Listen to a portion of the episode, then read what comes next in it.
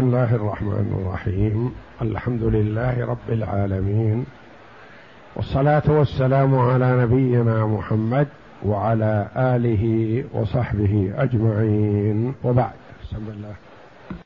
بسم الله الرحمن الرحيم. الحمد لله رب العالمين. والصلاة والسلام على رسوله محمد وعلى آله وأصحابه أجمعين. أما بعد قال المؤلف رحمه الله تعالى في باب في باب ميراث في باب الميراث بالولاء فصل. إذا تزوج عبد فصل في جر الولاء. فصل في جر الولاء. إذا تزوج عبد معتقة قوم فأولدها. إذا تزوج. إذا تزوج عبد معتقة إذا تزوج عبد معتقة قوم فأولدها فولاء الولد لمولى أمه لأن الحرية حصلت له بإعتاق الأم والإنعام عليها. فإن أعتق سيد العبد عبده أنجز ولاء الولد عن مولى الأم إلى مولى فإن فإن أعتق فإن أعتق سيد العبد عبده أنجز ولاء الولد عن عن مولى الأم إلى مولى العبد. فإن أعتق سيد العبد عبده أنجز ولاء لا إن جر. آه إن جر. ولدي إن جر ولاء الولد عن مولى الأم إلى مولى العبد. لما روي عن الزبير أنه رأى بخيبر فتية لعسا فأعجبه ظرفهم وجمالهم فسأل عنهم فقيل له موالي لرافع بن خديج رضي الله عنه وأبوهم مملوك لآل الحرقة. لآل الحرقة. لآل الحرقة. فاشترى الزبير أباهم فأعتقه وقال لأولاده انتسبوا لي وقال لأولادهم انتسبوا إلي فإن ولاءكم لي. فإن ولاءكم لي. فقال رافع بن خديج الولاء لي لأنهم عتقوا بعتق لأنهم عتقوا بعتق أمهم. بعتق أمهم. لأن فقال رافع بن خديج الولاء لي لأنهم عتقوا بعتق أمهم. فاحتكموا إلى عثمان. فقضى بالولاء للزبير فأجمعت الصحابة عليه.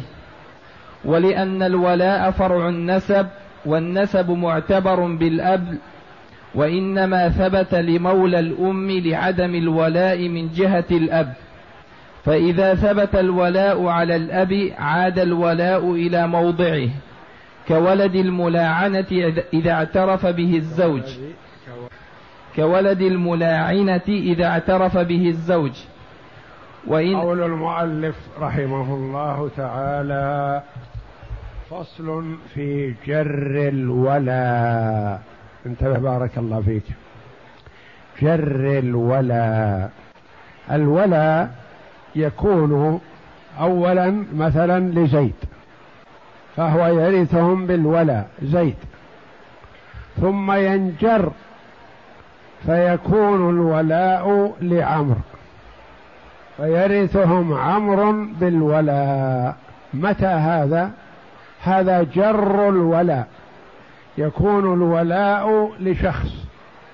ثم ينجر من هذا الشخص إلى الشخص الآخر. والولاء كما تقدم هو عصوبة ولحمة كلحمة النسب وهو يرث به المولى الأعلى. يعني المعتق يرث المعتق بالولاء هلك هالك عن معتق ما وجد غيره. يكون المال للمعتق. هلك هالك عن ابن لمعتق؟ المال لابن المعتق. هلك هالك عن أم وابن عم المعتق.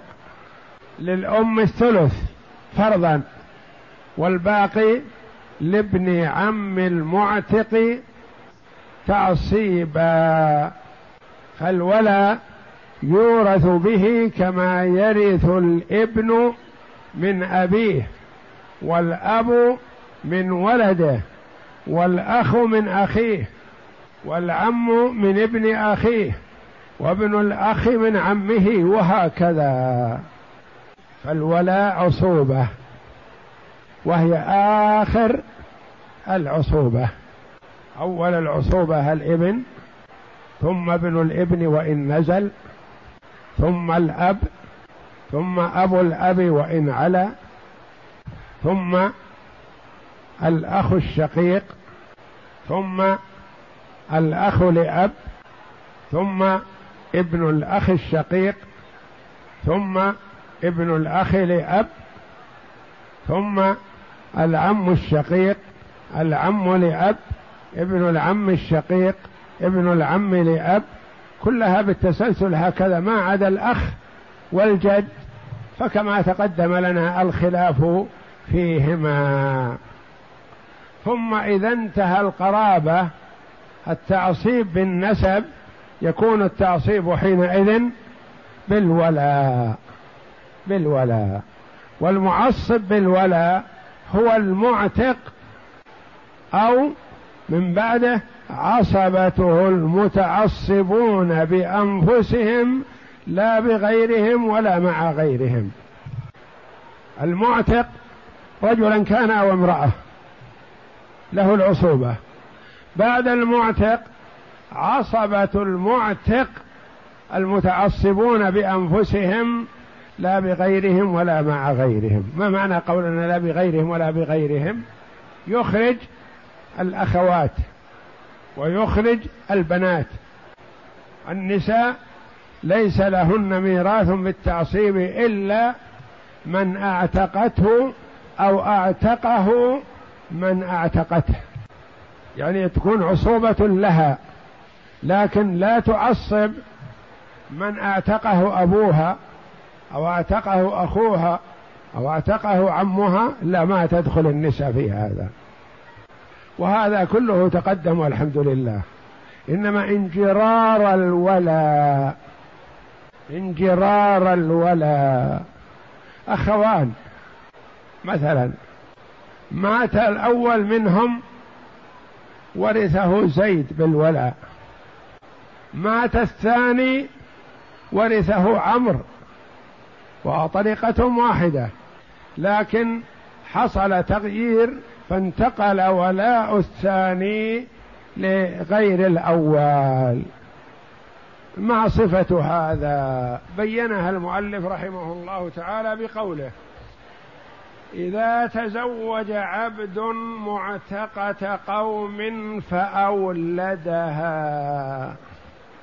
عبد يعني رقيق لا يزال. تزوج معتقة. المعتقة هذه لمن ولاؤها؟ لمعتقها. فخطب هذا الرقيق هذه المعتقة فرضيت به. قالت أقبله وإن كان رقيق. أقبله وإن كان رقيق وهي حرة. قد تحررت. ومن المعلوم أن الولد يتبع أمه حرية ورقا. تزوج هذا الرقيق معتقة قوم فولدت له ولد. الأب لا يزال رقيق. الأم معتقة حرة. قلنا الولد يتبع أمه حرية ورقة. الأم حرة. الولد ماذا سيكون؟ حر. أبوه لا يزال رقيق يباع ويشترى. الولد ورث يعني جمع مالا هو حر. مات. ماله وارث غير أمه هذه وأبوه رقيق ما يرث. لمن يكون ميراثه لمعتق أمه. لمعتق أمه. لأنه لا بد له من ولاء وأبوه غير صالح للولاية. لأن أبوه هو نفسه مملوك. فالولاء لمن؟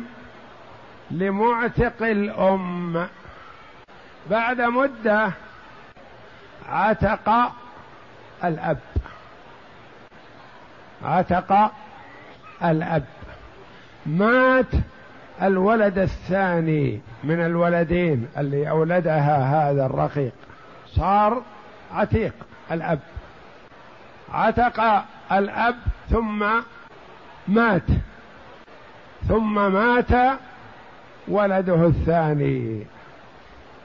لو الأب موجود يكون ميراثه لأبيه لأن أبوه حر الآن. لكن أبوه حر مات مات قبله. مات الولد وخلف مال. تنازعه إثنان. سيد الأم. اللي معتق الأم يقول أنا ورثت أخاه. قبله بسنتين أنا اللي ورثته فهذا مثله. وأنا المنعم على الأم بالعتق. وولاؤه لي. يقول معتق الأب لا يا أخي. الولاء تبع الأب وولاء الأب لي أنا اللي اعتقت أباه ما يصير أن تأخذ ميراث من أعتقت أباه أنا. أنا أعتقت أباه فهو تبع أبيه يقول يا أخي أنا قبل سنتين ورثت أخاه ولا هو لي ولا أخيه لي حالهم واحدة يقول لا حالهم مختلفة. أنت ورثت أخاه لكون أبيه لا يزال تحت الرق. فأنا أعتقت أباه فانجر الولاء لي. واضح؟ الخصومة بين الصحابة رضي الله عنهم والخصومة بحق لا بأس. فكان الصحابة رضي الله عنهم يتخاصمون في بعض الأمور ليظهروا الحق ما في حرج. فعثمان رضي الله عنه خاصم بعض الصحابة وعمر خاصم بعض الصحابة وغيرهم من الصحابة رضي الله عنهم يتخاصمون لإظهار الحق ويحكمون واحدا منهم يرجعون إلى حكمه. وكما تقدم لنا أن الخصومة المبينة للحق. ما تجرح ولا تؤثر. واليمين كذلك إذا كانت بحق ما تؤثر. فسعيد ابن المسيب رحمه الله خاصم رجلا بدرهمين. فتوجهت اليمين على سعيد فحلف وأخذ الدرهمين. خاصم رجلا آخر بأربعين ألف درهم. فتوجهت اليمين على سعيد رحمه الله فقال لا ما أحلف. احلف وتبرأ من هذه الأربعين ألف. قال لا ما أحلف. وحبس. ما عنده سداد. أربعين ألف. فأتاه أخوه قريب له. قال يرحمك الله. خاصمت فلانا بدرهمين وحلفت عليها وأخذت الدرهمين وخاصمت فلان على أربعين ألف فتوجهت اليمين عليك فأبيت أن تحلف وهي أربعين ألف تسوى اليمين ما حلفت على أربعين ألف ودخلت السجن وأصبحت مدين غارم بغرم كثير قال نعم كل هذا معلوم لدي.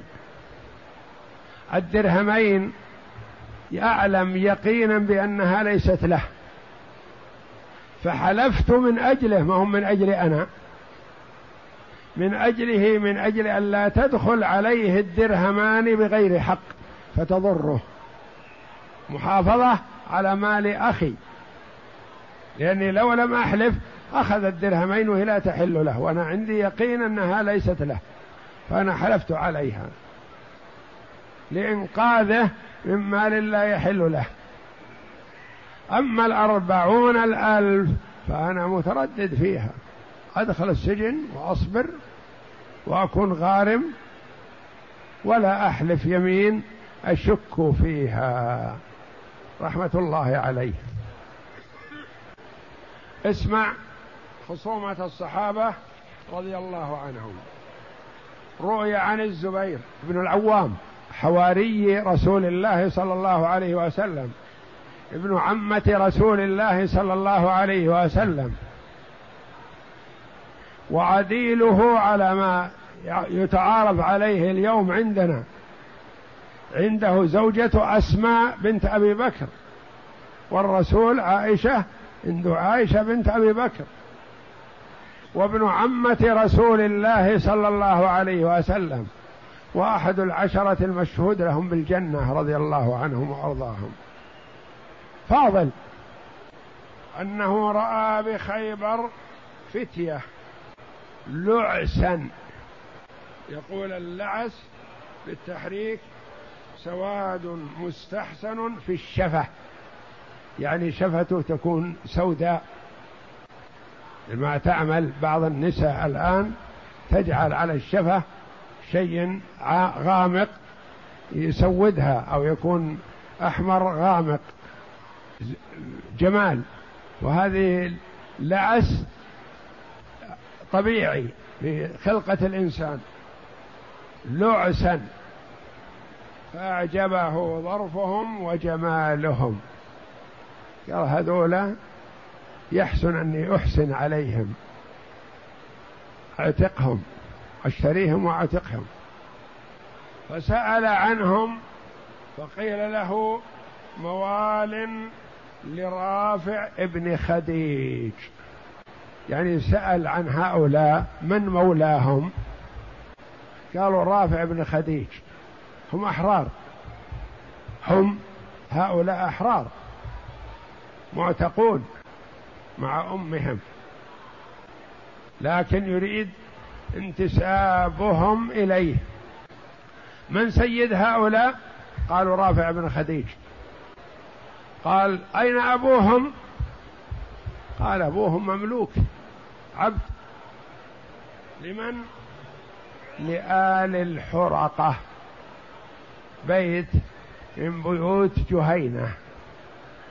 فخذ. من قبيلة جهينة جهني. وجدهم في خيبر هؤلاء. فذهب إلى آل الحرقة واشترى منهم والد هؤلاء الفتية. اشتراه. لا طمعا في المال ولا في التجارة رضي الله عنه وإنما اشتراه وأعتقه. اشتراه واعتقه. كأنه راغب في أن يكون ولا هؤلاء الفتية له. فاشترى الأب واعتقه. فدعاهم وقال تعالوا أصبحت أنا عمكم ولكم لي ليس لرافع بن خديج.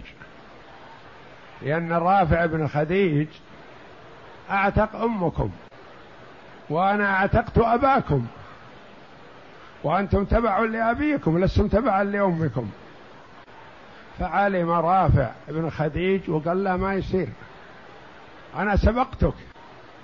أنا أعتقت الأم فصاروا أحرارا بعتقي لأمهم.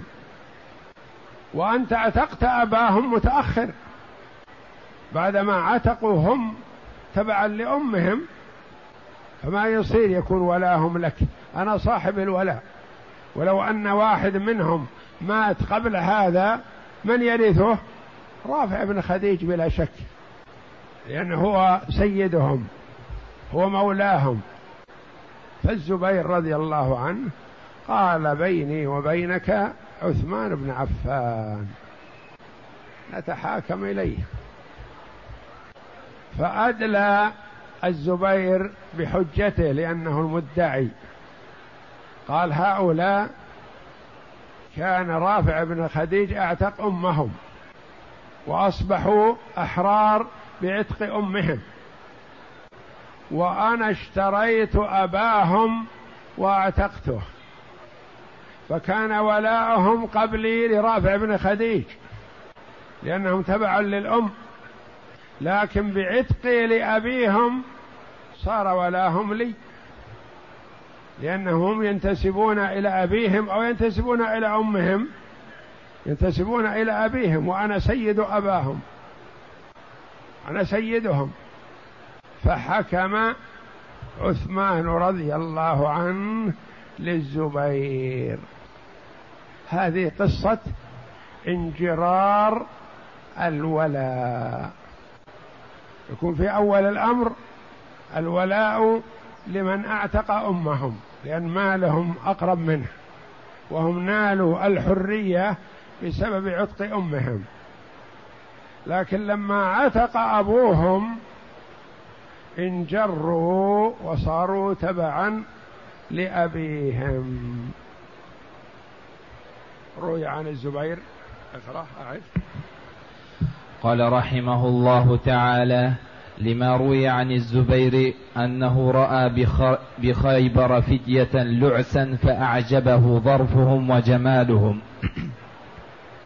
فسأل عنهم فقيل له موالي لرافع بن خديج وأبوهم مملوك لآل الحرقة. فاشترى الزبير أباهم فأعتقه وقال لأولاده انتسبوا إليه. فإن ولاءكم, فإن ولاءكم لي. فقال رافع بن خديج الولاء لي لأنهم عتقوا بعتقي أمهم بعتقي أمهم.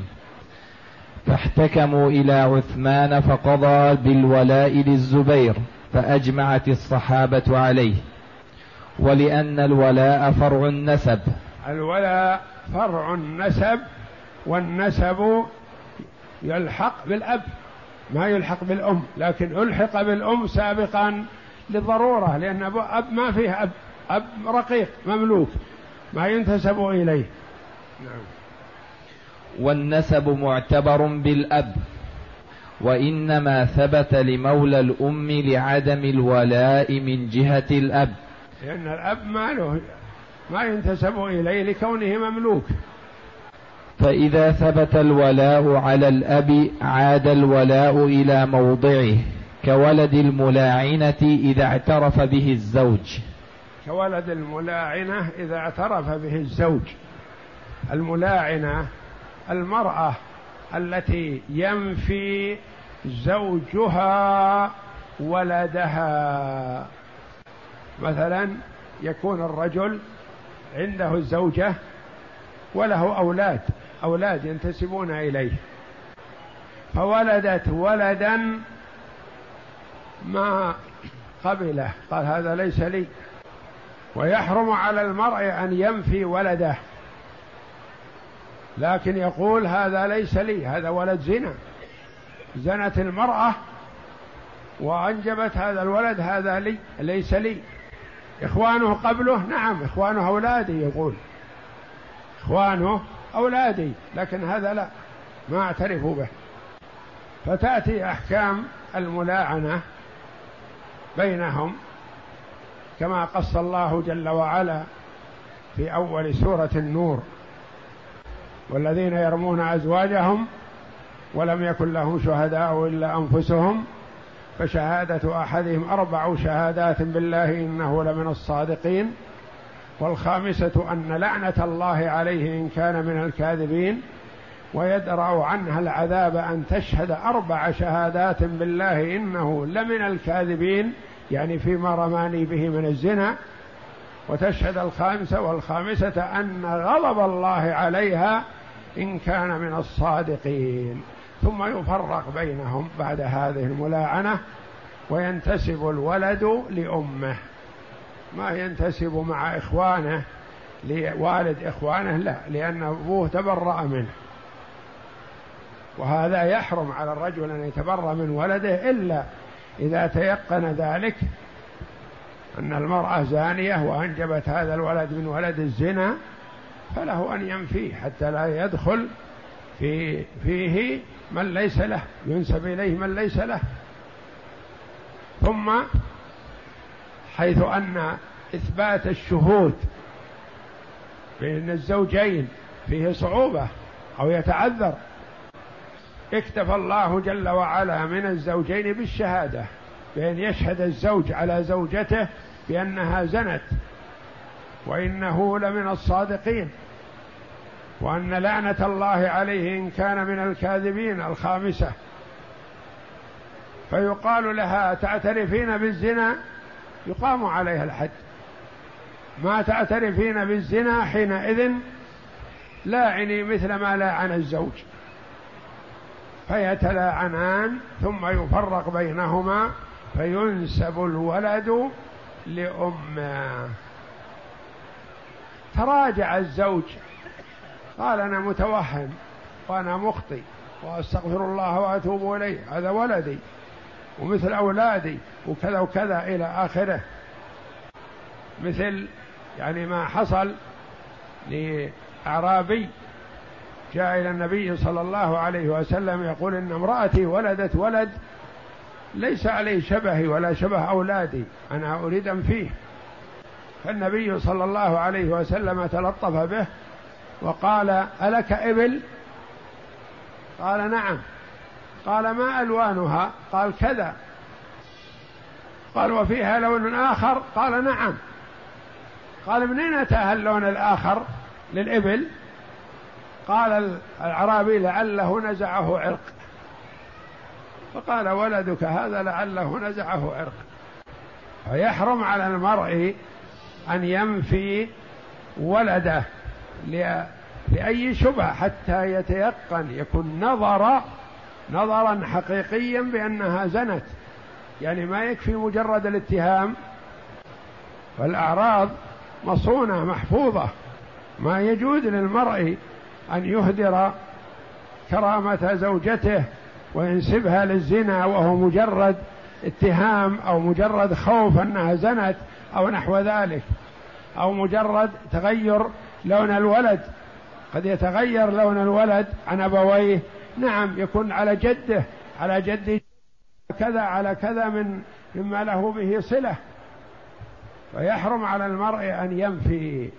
فإذا نفى فرق بينهما. فإذا تراجع واستغفر وتاب إلى الله جل وعلا واستلحقه قال لا هذا ولدي صحيح أنا متوهم. يعود النسب إلى أبيه. ولهذا مثل به عاد الولد إلى موضعه كولد الملاعنة. الملاعنة التي لاعنت يعني ما هو ولد الملاعنة. هي ملاعنة وملاعنة. ملاعنة بالنسبة للزوج. وملاعنة هي للزوج. فتكون ملاعنة لأنه ما ينسب إليها الولد إلا إذا لاعنت هي. إذا اعترف به الزوج ينجر النسب إليه وهكذا.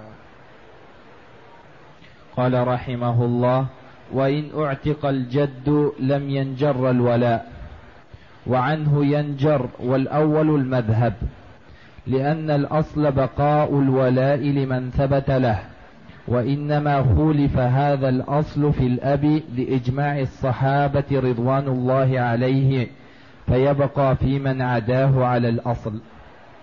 فإن كان العتق الأخير للجد لا للأب فهل ينجر الولاء؟ لا. ما ينجر إلا بعتق الأب. قالوا لأن الأصل يبقى على ما كان عليه إلا في عتق الأب حيث أجمع الصحابة رضي الله عنهم على انجرار الولاء بعتق الأب. فمثلا لو أن الزبير رضي الله عنه ما وجد أباهم مملوك أبوهم ميت فاشترى جدهم وأعتقه هل ينجر الولاء للزبير؟ لا. محل خلاف لكن المذهب هو الأول أنه لا ينجر بعتق الجد لأن الأب هو الذي المباشر لهم وينسبون إليه فيكون سيد الأب هو سيدهم. والله أعلم. وصلى الله وسلم وبارك على عبده ورسوله نبينا محمد وعلى آله وصحبه أجمعين.